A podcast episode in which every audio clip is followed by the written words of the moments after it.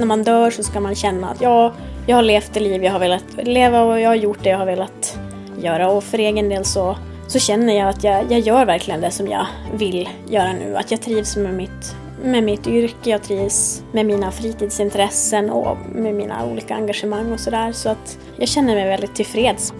Det säger Ida Asplund som ni nu ska få höra i ett samtal om livet. Mitt namn är Ann-Sofie Sandström. Ni kommer kanske ihåg Ida Asplund som för några år sedan ofta förekom i media. Hon var den unga kvinnan som engagerade sig i Finlands svensk samling och som ibland påstods ha lite för radikala åsikter, eller hur det nu var. Sen blev det ganska tyst om henne. I somras råkade jag träffa på Ida Asplund i Nykarleby, så jag frågade om hon i något skede kunde tänka sig att vi skulle spela in ett samtal om livet. Ida Asplund verkar vara en mycket upptagen person, men hon föreslog så småningom att vi skulle träffas i Mono en lördag i mitten av september. Jag hade fått instruktioner att jag skulle köra längs byvägen, förbi UF-Svanen och hålla utkik efter en röd stuga mittemot det gamla baptistbönehuset. Som extra kännetecken fick jag höra att det skulle också finnas en brunstång och en gulröd vimpel i flaggstången. Hej! Jag skulle träffa Ida. Ja. Är du gärna? Okej. Du hade ett ganska bra beskrivning. Jag Ja. såg en vimpel och är det bro, ja, grejer så att det var nog... Välkommen! Det här, dricker du kaffe? Det är det nog, ja. Ja. Är det hennes hemgård eller? Jag har min farfars farfars hemgård det här nu.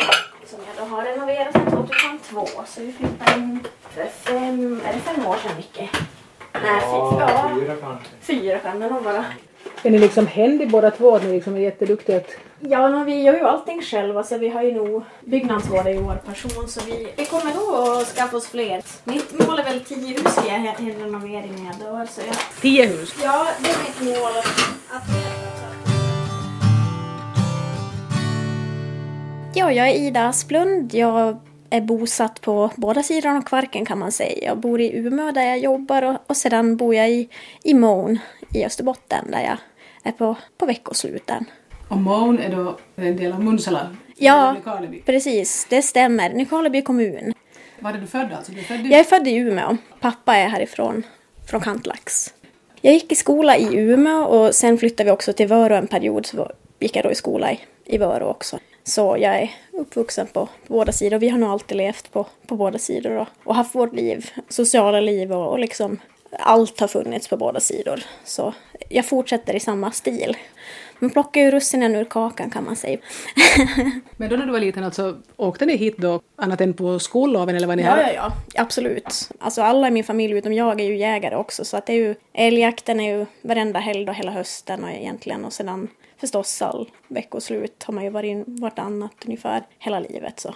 Så är det ju nu också att, att om inte jag får komma hit på två veckor då är det nog faktiskt livskris. Så att det, nej men det är ju hela semestrarna naturligtvis och sådär. Så att man har nog två proppfulla kylskåp. Ett på vardera sidan. Okej. Och dubbel uppsättning av allt. Förstås. Så det var alltså Ida Asplunds far som flyttade till Sverige? Ja, precis. Han kom 68 till Umeå. Han eh, kom över och började studera sen också. Han jobbade först och och började studera också.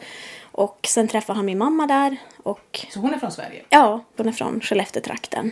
Hade då Ida Asplund när hon växte upp några planer på var hon skulle slå sig ner och var hon själv skulle vilja bo?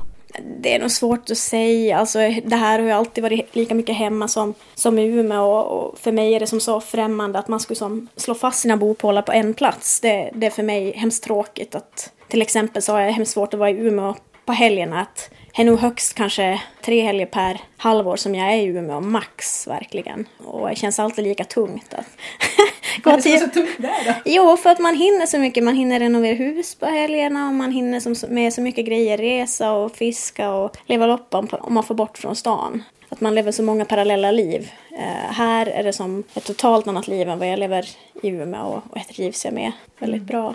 Så det är nog det. Jag, jag är helt övertygad om att om inte min familj skulle ha varit här så mycket när jag var barn så skulle jag ju aldrig ha haft en så stark koppling hit. Men det har ju alltid varit självklart för mig att identifiera mig som finlandssvensk från att jag var kanske ja, 15, 16 däromkring någonstans. Så, så gjorde jag ju ett aktivt val att det här är min identitet och, och det, det har ju förblivit så. Har du dubbelt medborgarskap? ja, det har jag. Yes. Jag flyttade till Island när jag blev student, eh, en vecka efter studenten. Och, och där var jag och mjölkade kor och, och jobbade på fält. Och, och, Island har fortsättningsvis en väldigt speciell plats eh, i mitt liv. Och där, jag var nog ganska inne på att jag skulle stanna på Island ett tag också. För att jag trivdes så bra och, och skulle jag liksom haft en så stark identitet i de här trakterna i, i Österbotten tror jag att jag skulle nog ha kanske blivit kvar på Island. Vad Men, var det som tilltalade dig där? Ja, det var allt. Det är livsstilen, det är det här att eh, människor på Island, de lever som om idag är den sista dagen du lever. Och, och, så är det verkligen. Alltså väldigt få sparar ju pengar. Och särskilt nu efter krisen. Men, men så var det ju även då 99 då när jag åkte dit. Och, och, och, folk har ingen koll på priser utan man, man betalar. Pengarna går åt, man lever sitt liv. Det är väldigt avslappnat. Och sen är det förstås just naturen som tilltalar mig. Fisket det, det är kulturen, det är också den otroligt starka identiteten man har på Island. Och också förstås att man, man är mitt mellan Nordamerika och Europa, vilket skapar speciella förutsättningar som i befolkningen också, tycker jag. Islänningarna är också väldigt öppna och gästfria. Det är lätt att känna en, ett hemmaskap på Island. Så det du for dit då efter att du hade blivit klar med skolan, att det var för att du var intresserad av landet sådär? Ja, mm. jag visste att jag ska till Island. Det var en hemskt spännande upplevelse. Men sedan kom jag tillbaka och så började jag studera språk då för att det hade jag alltid velat göra. Och sen blev jag kvar på universitetet och började studera juridik då så att vilka språk läste du sen när du började studera på universitetet? Då? Eh, då började jag studera ryska och det har ju varit mitt huvudspråk. Så jag pratar ju ryska, jag har tolkat på ryska och sådär. Nu är min ryska lite mer ringrostig tyvärr men jag läste då ett och ett halvt år fulltidsstudier på ryska i, i Umeå. Och sen har jag läst tyska då, som jag läst väldigt mycket av också. Och sen har jag läst isländska och, och lite finska också faktiskt. jag frågade Ida Asplund ifall det fanns någon speciell orsak till att hon valde att studera just ryska. Ja, nej men jag hade alltid velat läsa ryska och det har ju att göra med Finlands historia förstås som på något vis gav mig den där det första, det första intresset. Och, och sen hade jag också lyssnat när jag var nio minns att då sjöng jag mycket sånger på ryska. Pappa hade ett band med, med alla Pugacheva, den här schlagerdrottningen där. Som, och jag sjöng, de brukar säga, jag minns att, men sjung nu i där när det var någon sådär familjebekant på besök. Mm. Och så sjöng jag då på ryska, fast jag förstås inte förstod vad det var. Men jag lärde mig att imitera ryska. Det hade alltid varit spännande med ryska och och sådär. Och sen blev jag ju helt fast. Jag hade tänkt läsa kanske en termin men eh, jag började drömma på ryska efter tre veckor. Det var otroligt intensivt. Vi hade fantastiska lärare och det fanns en grundkurs då på universitetet och sen vidare studier. Men det var otroligt eh, häftigt hur man gick in i det och Alltså det, det, är helt klart det mest intressanta ämne jag har läst vid universitetet. För att det blev som hela ens liv söks upp i det och man, man drömde på språket och man hade en sån otrolig gemenskap mellan allihop som läste och det var såna spännande människor där. Det var,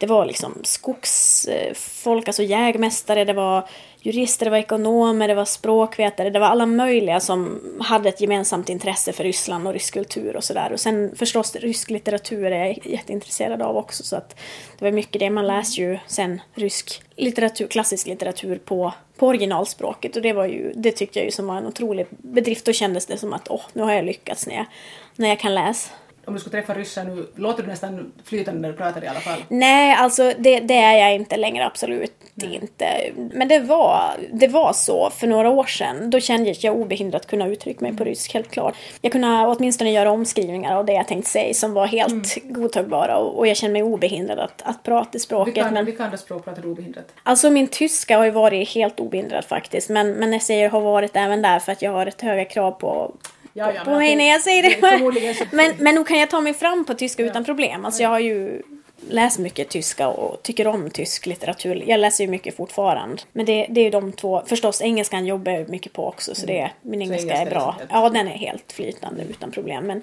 men tyska är ju mitt andra då, språk nu och ryska är det tredje starkaste. Men ja, jag är hemskt sugen på att ta tjänstledigt kanske och dra iväg till Ryssland och vara där ett tag.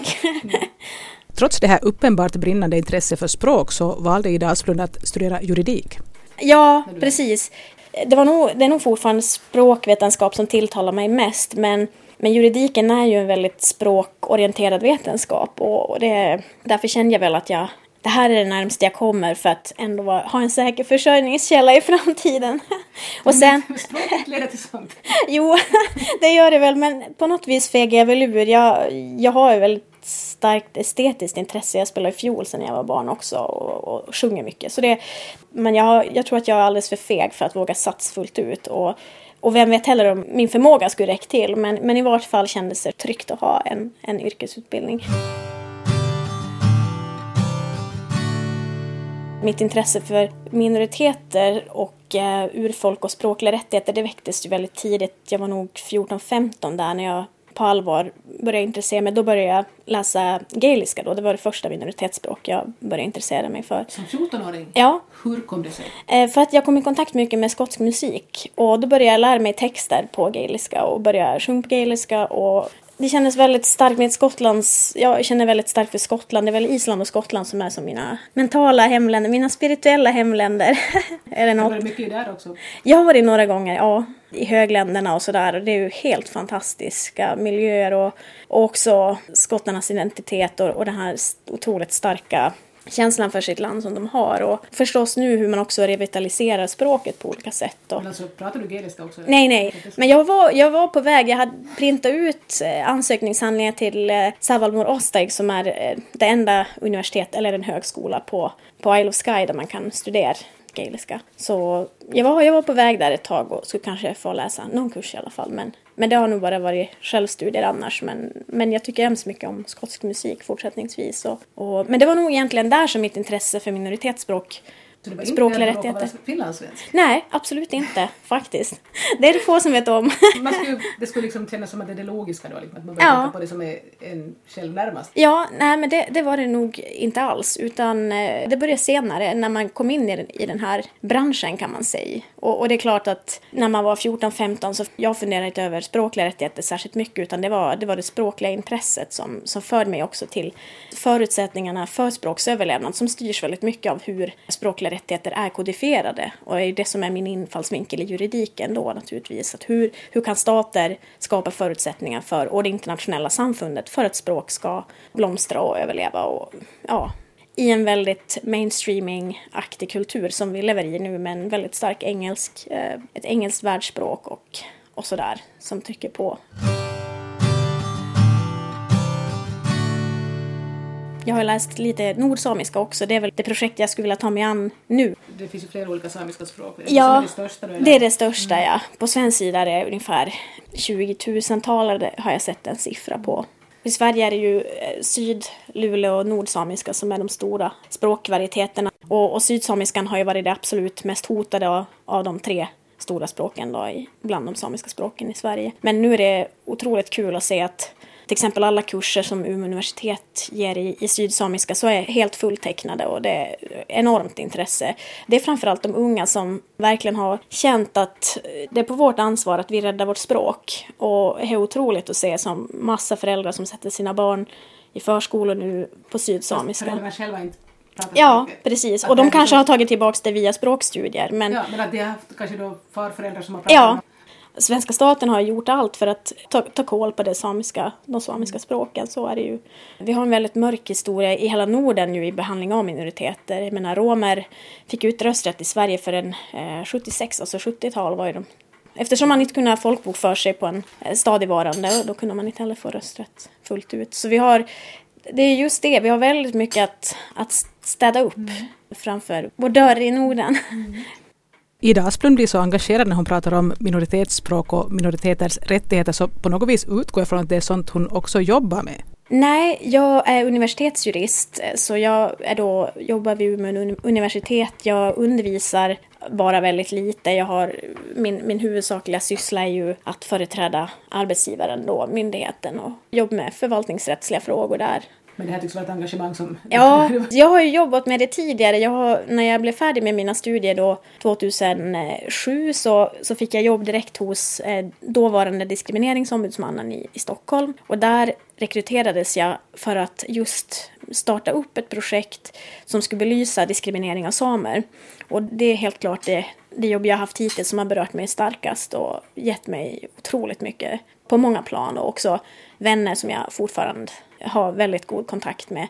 Och, Stannar inte kvar där? Nej, nej, nej, det var en fast anställning men då fick jag plats och jag ville alltid tingsmeritera mig då vid domstol och, i alla fall göra första steget på domarbanan så då hamnade jag i Luleå och dit vill jag då för att kunna handlägga mål som har anknytning till samiska rättigheter. Och det, det har jag jobbat med. Så man kan säga att några år har jag jobbat med de här frågorna professionellt också då. Annars är det en, en fritidsbisyssla kan man säga. En av dem.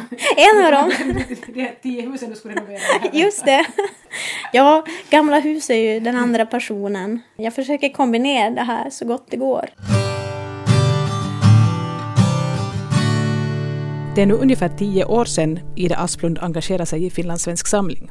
Då var hon 22 år gammal. Hon bodde i Umeå, men som hon redan berättade så var hon hemskt ofta också i Österbotten. Men hur kom det sig att hon just i den åldern började engagera sig så hårt i de här finlandssvenska frågorna?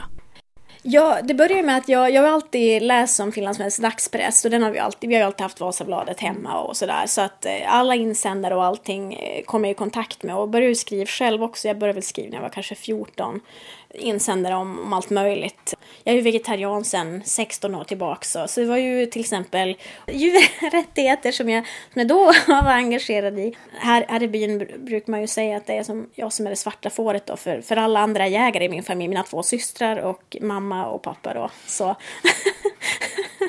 så de jagar men du vill inte ha någonting av det de jagar? Nej, så är det. Jag, jag plockar bär och gör sylt. Men, eh, men det var ju mycket kring just det skrivna. Jag kom i kontakt med Finlandssvensk samling. Jag tyckte att eh, de hade en agenda som tilltalade mig väldigt mycket. Det var, för det första var det ett forum som var eh, icke-partipolitiskt eh, anslutet, eh, men såklart politiskt. Och jag såg att det fanns en potential att här kan man engagera sig och, och göra någonting. Du var ju hemskt ung då alltså när du jag var 22 tror jag när jag började. Ja. Det, det sorgliga är ju att det är ju, är ju och förblir ett problem för mycket ideella föreningar och också Finlands Att man, det är hemskt svårt att nå unga och, och jag tror att det enda sättet är ju att låta unga helt få makten och, och, man måste liksom få, sen, sen finns det såklart plats för fler generationer men om man vill få in unga så måste man ge makten åt unga och vi lyckades ju aldrig under min tid heller på allvar få igång en ungdomsverksamhet och att men, men däremot så vet jag ju att jag har inspirerat mycket unga människor som har känt att man vill engagera sig politiskt och sådär. Jag har ju aldrig velat engagera mig partipolitiskt. Jag har ju en moster som har varit riksdagsman i tre perioder i Sverige och sådär så att det finns ju i familjen på den sidan ett politiskt engagemang som går i partier. Men det har aldrig tilltalat mig utan jag vill, jag vill hellre jobba då i, i just ideella organisationer. Eh, jag, jag tror att det är mycket och den här partipolitiska kohandeln som, som liksom skrämmer mig. Hur länge var det då som hon var aktiv inom Finlandssvensk samling? Fram till 2006, 2007 någon gång. Jag var ju kolumnist i Vasabladet ett par år också så, där, så att jag har ju haft, jag har ju förekommit i pressen en hel del. Men, eh, men det var ju framförallt eh, första delen av 2000-talet som, jag, som jag var väldigt aktiv och, och hade tid att skriva. Sen tyckte jag också att när jag jobbade på domstol då, när jag hamnade i Luleå på dåvarande länsrätten då, förvaltningsrätten som heter nu, så kände jag också att det var hemskt viktigt att fokusera på det arbetet och att, att lägga mina ideella engagemang åt sidan ett tag och, och det tror jag var ett klokt beslut. Det, det höll jag ju bara delvis för då satt jag ju med i Finlandssvenskarnas riksförbund fram tills i år. Så jag, fyra år har jag suttit med där så, i styrelsen och jobbat med minoritetsfrågan i Sverige för finlandssvenskars del. Så att det har jag fortsatt med men, men jag har varit mindre synlig i Finland kan man säga. Och det har ju också haft att göra med att jag velat fokusera på att renovera det här huset där vi befinner oss. och det tycker jag också har varit ett klokt val sett i retrospektiv. Ida Asplund nämnde att hon redan som 14-åring började skriva insändare och ha synpunkter på sånt som engagerar henne. Hur kom det sig?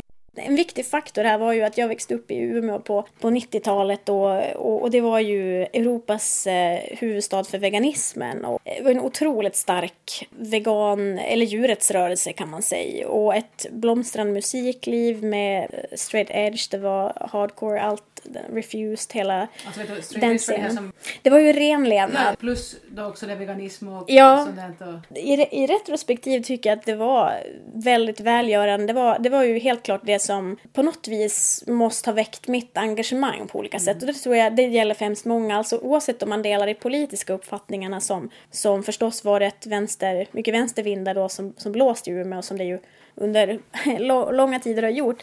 Men jag tror att engagemanget och, och frågan att ta ställning, just det, att polariserad. Det, det kommer helt klart eh, därifrån. Och, och, jag har sett hur viktigt det är hur mycket man kan uppnå med, med det också. Och det finns ju en, en stark kollektiv, alltså till exempel Eh, jag försvarar ju såklart inga olagligheter som utsläpp av minkar eller den typen av, jag menar jag vet mycket väl hur mycket farmerna betyder, farmnäringarna betyder för Österbotten så för min del skulle jag ju aldrig ha engagerat mig i den, i den verksamheten. Så att det, jag är ingen motståndare till pälsnäringen, absolut inte. Men eh, däremot så, det fanns en kollektiv eh, anda i Umeå som var otroligt spännande att vara en del av. Och eh, det fanns ett musikliv som blomstrade, ett kulturliv, det fanns ett, eh, ja det här politiska ställningstaganden, det är att man väcktes ur passivitet. Och det tror jag är otroligt viktigt att det sker när man är ung. Det, det var precis rätt period, man gick i högstadiet, man, man kände att det är viktigt att ta ställning i olika frågor. Så, så jag tror att helt klart att det var ju också där man fick ganska mycket träning i debattteknik. Det har man ju i den svenska skolan överlag mycket fokus på. Så det har jag med mig i min bakgrund. Jag menar, jag har ju, och jag har ju vistats i otroligt multikulturella miljöer. Det, är ju, jag menar, det talades 150 språk på min skola som jag gick 150? i. Ja.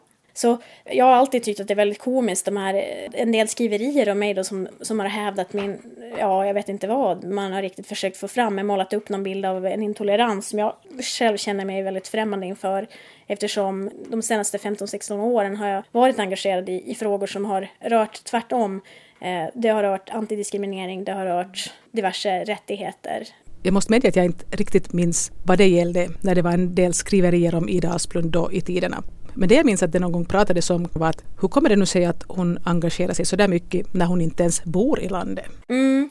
Jo, och det visar ju lite vilket insnöat klimat vi har här. Också Österbotten, alltså det finns ju en väldigt stark tilltro till nationalstaten som jag känner mig väldigt främmande inför. Jag har alltid gjort eh, det faktum att eh, det bor kanske fler finlandssvenskar i Sverige än vad det bor här i Finland så tycker jag ju liksom skulle mana till lite ödmjukhet från från finlandssvenskt håll i Finland. Men tyvärr så är ju finlandssvenskarna i Sverige en, en fullständigt bortglömd grupp i, alltså härifrån. Men, eh, men jag har alltid känt mig främmande för det här med att bostadsort och den lilla landplätt där man råkar vara född, vilket politiskt beslut som en gång skapade en gräns, att det ska ha någon betydelse. Och därför känner jag mig väldigt hemma i Norrbotten också, där man lever ett hemskt gränslöst liv. Alltså, Tornedalen är ju det bästa exemplet på, på människor som ger blanka fasen i en landsgräns och är otroligt kreativa. De ordnar polisiärt samarbete över gränserna som knappt ens är lagligt men man, man gör, det, man gör det ändå och det, jag tycker att det är otroligt kul. Och, och Norrbotten det är verkligen en, en plats som jag kan identifiera mig väldigt starkt med. Det finns en stark koppling till Finland. I princip alla har en koppling till Finland och det har alltid varit en mångkulturell miljö med många språk. Det samiska, eh, det svenska, det finska, det tornedalsfinska och sådär. Så det, det här skulle man knappast invändat. Men varför bor inte den här personen här? För det, det, har, det har inte samma betydelse.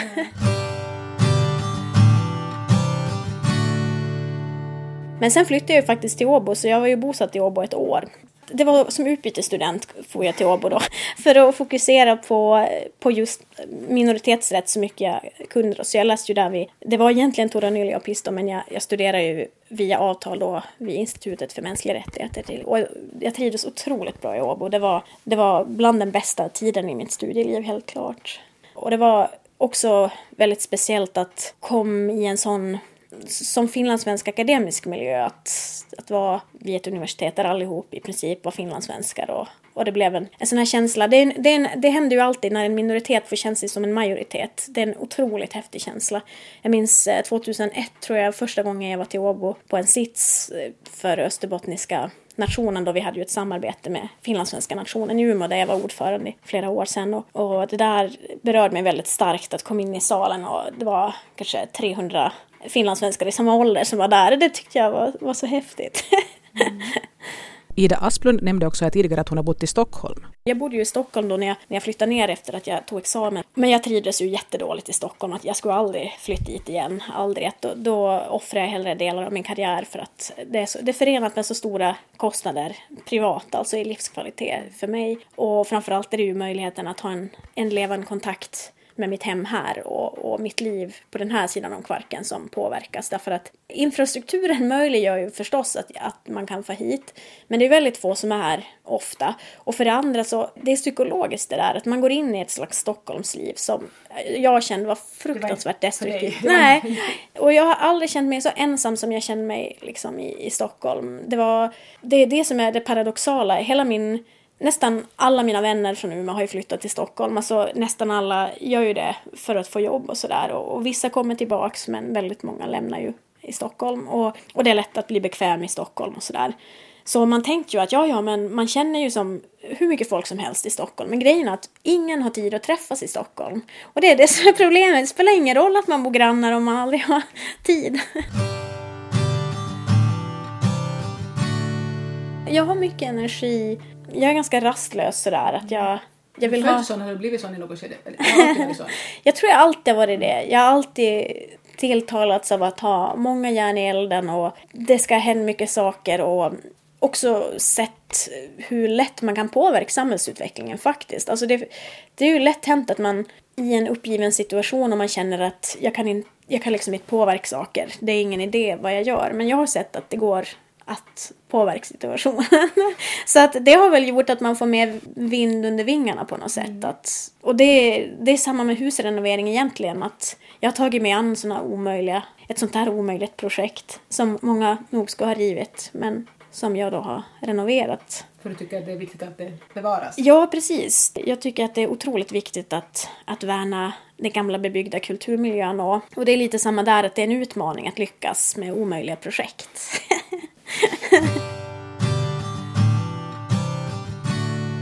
Jag har ett jättestort trädgårdsland här och så potatisland och allting så det är, här har jag grönsaker hela året. Ja, så det räcker liksom till hela året? Ja, alltså det räcker nog till maj i alla fall brukar det räcka. Så att det är ju lätt hänt att man förefaller vara lite präktig när man säger vad man håller på med. Men det är mest att eh, jag, jag sitter aldrig i en soffa och jag tittar aldrig på TV. Och de två komponenterna gör att jag, jag hinner med mycket saker. Genom att vara effektiv och jag jobbar mycket med listor. Alltså det, jag har listor här, sånt som ska till Sverige. I Sverige har jag sånt som ska till Finland. Sånt som måste göras. Och Ja, man måste väl säkert vara ganska organiserad för att kunna leva på det här sättet? Ja, tyvärr.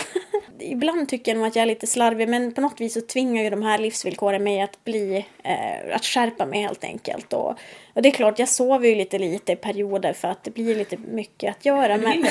Nej, man skär ner på sömnen. Jag inte du är lite 30 någonting va? Ja, jag är 32 nu. Ja, ja. Alltså någon gång måste man väl trappa ner men jag hade ju, alltså min pappa hade ju en farbror som, som var egentligen vår låtsasfarfar kan man säga då, farbror Albert och han var en väldigt speciell person. Han var Kanada-emigrant och bodde i Vancouver. Sen, sedan så började han bo halva året i Kanada och halva året i Kantlax då här. Så han var ju en, en sån här pendlare som levde ett härligt liv på båda sidor om Atlanten. Och, eh, och vi var ju där två gånger också och hälsade på honom och sedan var han ju här då som sagt halv, halvårsvis. Och, och farbror Albert han var ju speciell på det sättet att han, han varvade ju aldrig ner. Han var ju liksom typ 90 år och hade ju får och, och, och körde sin traktor och han såg hemskt lite men alla i byn sa ju att nu kommer Albert på traktor, gå undan. och, och, och, så här, det, var, det var helt klart en person jag tror har inspirerat mig också väldigt mycket. Han kom ju då på morgnarna till oss i, i Kantlax då i huset där vi, där vi bodde och så kom han då när han hade varit och och, och hälsade på fåren och, så kom han till oss och sen satt han nästan hela dagen och berättade släkthistorier och, och allt. Och han hade ju då kvar släkthistorier från innan han for till Kanada också så att han hade ju, han var ju som ett uppslagsverk i sånt. Han var, det var ett enormt minne. Han hade och allting var som konserverat från den tiden innan. Och, men i alla fall just det här med att han aldrig, han hade verkligen hundra järn i elden. Och han hade många gamla hus som han samlade på. Och han, han tyckte om att köpa upp miljöer där han kände sig hemma. För allt hade ju ändrats mycket när han var borta i Kanada. Och det Finland han lämnade var, var ett annat Finland än det han kom tillbaks till. Upp en del och Precis. Och det är det som du gör också? Ja, det är väl, alltså min, mitt mål är väl att till stor del att rädda, rädda gamla byggnadsmiljöer. Jag tycker det är jättesynd att man river så mycket hus för det är otroligt, eh, otrolig kvalitet i gamla hus och det är någonting som är så unikt med gamla hus som man liksom aldrig kan få i ett nytt hus också. Ett hus med historia och smarta lösningar och ja, som sagt den här kvaliteten i hantverket som, som finns med spikar som är handsmidda och liksom, ja, golvplankor som är breda och det, Jag tror också att det är väldigt hälsosamt att bo i gamla hus, alltså för ur ett allergisynpunkt och allting. Det är ju väldigt kemikaliefria miljöer överlag. Här har vi förstås ingen innertoalett och det är ju då förenat med, med visst mankemang att springa ut på vintern. Men jag tycker det går riktigt bra och på något sätt så man uppskattar också mer bekvämligheten när man liksom lever utan det en del av sitt liv. Och det var riktigt kul efter semestern här, då stod jag i Umeå och, och tvättade ansiktet i, i diskon och så kom jag på att nej men just ja, vi har ju ett badrum här i lägenheten.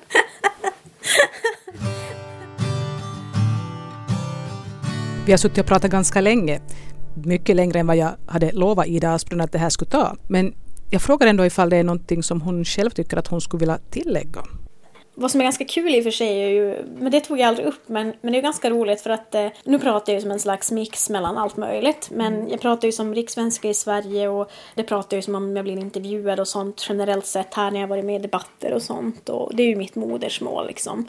Men, men sedan när jag flyttade till Åbo då började jag ju prata dialekt. Och det hade jag ju, jag, jag, jag kan ju prata dialekt. Nu har jag ju som inte pratat dialekt riktigt. Men jag hade som aldrig pratat dialekt förr. Men då, då flyttade jag in med en kompis från Orvas och så sa hon bara att hör du nu, nu börjar vi tala dialekt. Och så gjorde vi det så, så att eh, det var ju något helt nytt. Att det som kände mig som innan 2006, de hade ju aldrig hört mig prata dialekt. Så jag ändrade snabbt språk. Så, så det är ju många finlandssvenskar som tycker att det är väldigt kul. Och, och jag måste säga att den skillnaden i hur man accepteras här, är, det är som natt och dag. Alltså, om man pratar rikssvensk här så klassar österbottningar en som en svensk. Så är det bara. Men när jag pratar dialekt, när jag riktigt talar dialekt så, så jag menar, hej, hej nine som skulle ifrågasätta min identitet. Och här, är en sån skön skillnad så att jag går inte ens till beskriv vilken skillnad det är att att få en icke ifrågasatt identitet. Hej, nej som skulle som fråga varför bor du i Sverige och talar dialekt? Eller, alltså det är ingen som, som skulle ens lägga märke till att man bor i Sverige när man talar dialekt. Lite Vad har du för hemspråk med sambon? Alltså vi talar dialekt mm. alltjämt, ja det gör vi. Men jag tycker att det är en intressant sak det här att man kan svänga och hej just... Men man är ju tvåspråkig på ett sätt. Absolut, absolut. Mm. Men jag var ju bara, ja jag var ju i och för sig flerspråkig men, men jo, dialekt alltså, var ju... Ja, nej vi har aldrig talat det. Nej, nej, nej, nej. Mm. Alltså pappa aldrig, för att han lärde oss aldrig dialekt och, och han har ju sagt det nu att skulle jag varit nu skulle han ju ha gjort det men, men då var ju dialekt ganska fult och man ska prata fint hemma. Och, men sen så tycker jag att det är kul det här att man kan återerövra och ta tillbaka. Så det är mycket det man gör på bland minoriteter och sådär också. Jag tror alltså som den faktorn som helt klart är viktigast om man vill att eh, som finlandssvensk i Sverige att, att barnen ska få en finlandssvensk identitet och, och en hjälp i och också att vara accepterad på den här sidan så, så är nog helt klart dialekten mm. som, är, som är nyckeln. För att... Men ifall du hade ju bara pappa som var härifrån och mamma var från Sverige. Ja, att han inte börjar prata dialekt då, då inte hon heller prata. Nå, i och för sig men hon förstår ju nog all dialekt och hon identifierar sig nog i princip som en bysbo också så är det man kan bli en osäker. Absolut, absolut. Och det tror jag är otroligt viktigt att fundera på här också hur man förhåller sig till inflyttare. Nu är det mycket ester som kommer. Jag tycker det är jättekul att vi har sån stark estnisk inflyttning här och, och här, ester som har köpt hus här i byn och, och sådär. Jag pratar ryska med en del av dem och mm. allt, allt som kan leda till en mer, mer heterogen tillvaro tycker jag är positivt och jättekul att man välkomnar dem. Det är viktigt att man gör det tror jag här i byarna. Till slut kom jag på en sak som jag själv hade glömt att fråga, fast jag nu egentligen inte har någonting med saken att göra. Men eftersom Ida Asplund sa att hon är en person som tycker om att ha många järn i elden, så kan jag inte låta bli att fråga om hon också har tänkt hinna med familjebildning i något skede. Det får vi väl se. Mellan något av husprojekten. Du har inte liksom planerat före jag har fyllt det och det så ska jag ha hunnit... Nej, för mig är det väldigt, jag är väldigt, eh, vad ska man säga, för mig är inte det en del av min identitet. Alltså min identitet ligger inte liksom i familjebildning eller, eller den typen av frågor nu utan jag har nog alltid utgått från bara vad jag känner för i, i nuläget och än så länge har jag inte känt att det är en, en prioriterad fråga. Jag förklarar att jag frågar närmast av den orsaken att jag har sett ganska många kvinnor som har varit lite på 30 som plötsligt börjar tänka att oj, jag måste ju ha barn också.